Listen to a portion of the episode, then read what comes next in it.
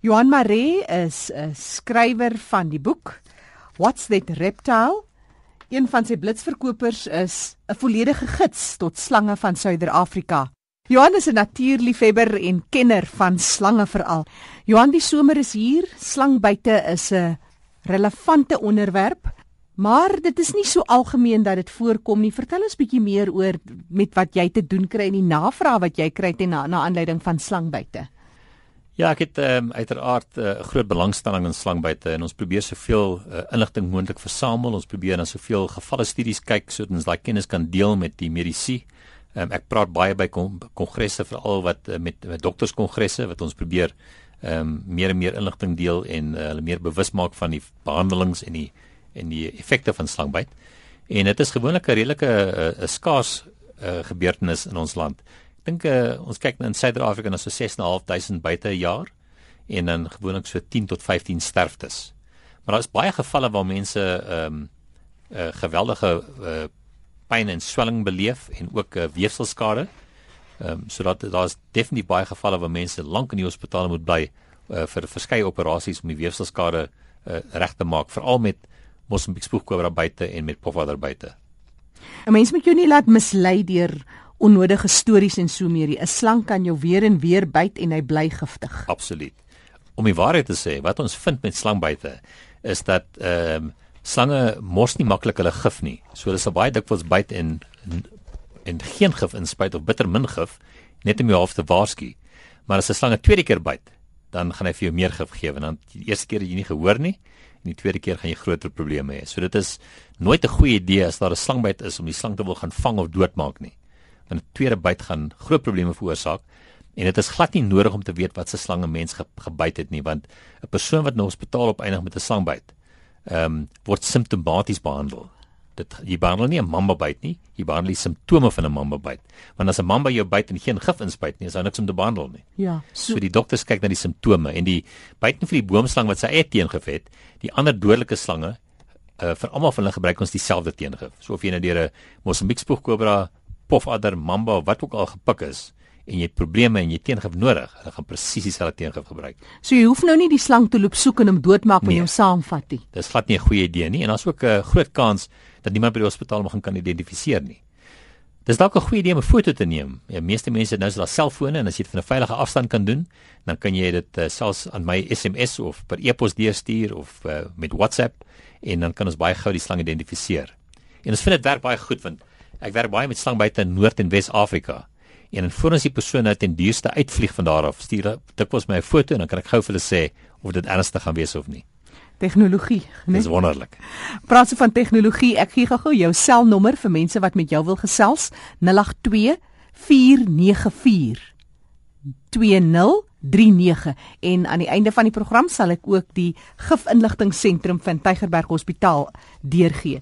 Nou Johan, jy het ook op jou webtuiste kan mense 'n draai maak en uh, dit is ook africansnakebiteinstitute.com waar daar 'n uh, interessante en ook 'n baie belangrike 'n baie handige plakkaat is oor die gevaarlike slange van Suider-Afrika. Ek sien daar's heelwat van die mambas en dan het jy die ehm um, kobras daar. Vertel ons meer oor van die giftige slange in Suid-Afrika en slange waarvoor ons veral versigtig moet wees.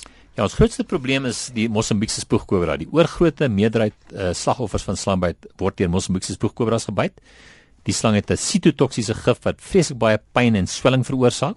Gelukkig is daar bitter bitter min sterftes.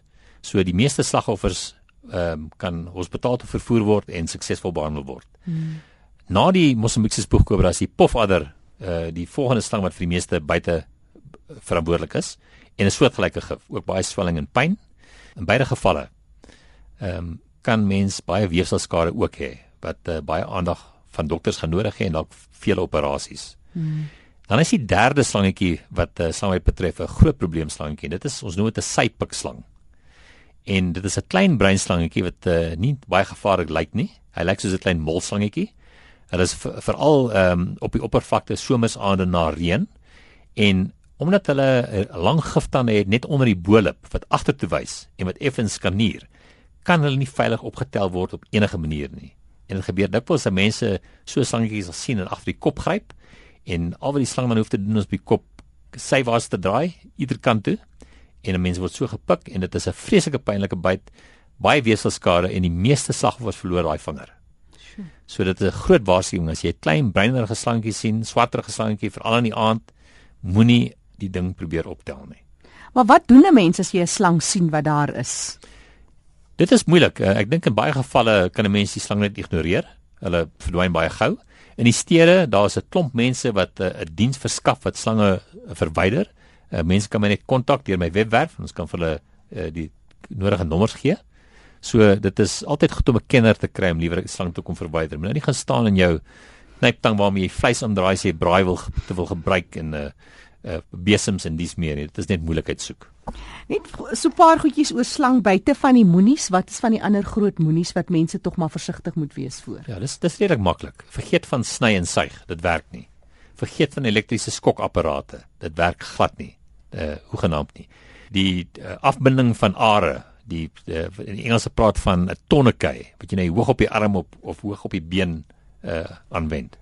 Dit is uiters gevaarlik en moet nooit ooit gebruik word nie slang geword deur uh, die limfkliere versprei, nie deur die bloedsomloop nie.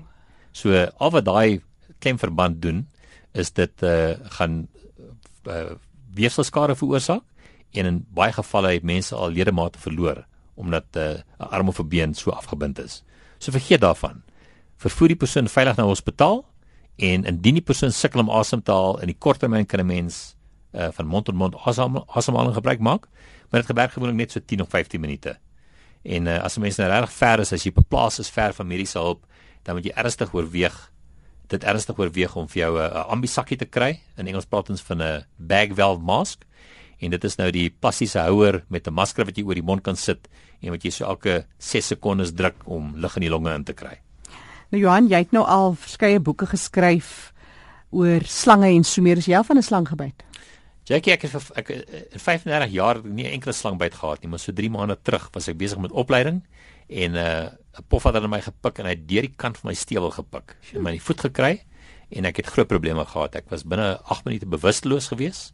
Ek het uh omdat ek al die jare al so baie blootgestel is aan slanggif en nou met spoegslange gewerk het, ehm um, het ek hypersensitief geword vir slanggif sonder dat ek dit geweet het.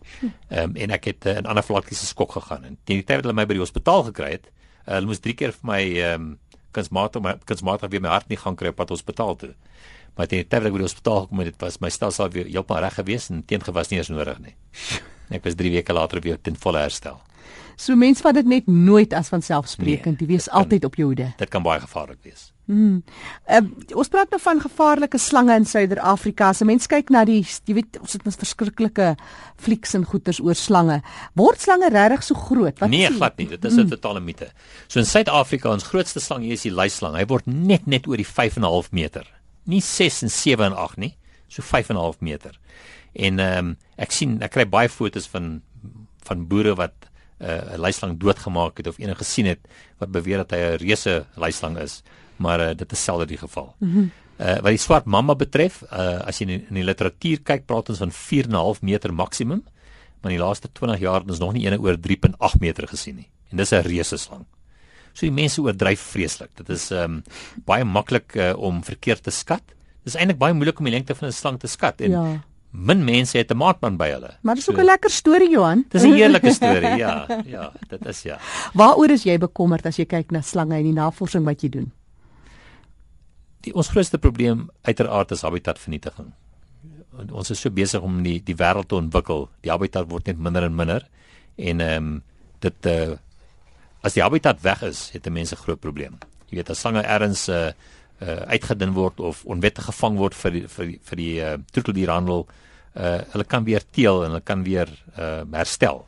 Maar as die habitat weg is, is hulle vir ewig weg verskil slange se gedragspatrone as jy byvoorbeeld slange in museums in hierdie ehm um, weet in ander slangparke en so meer het teenoor slange in die in die natuur. Ja, heeltemal. Kyk in die natuur in 'n in 'n slangpark is dit baie maklik.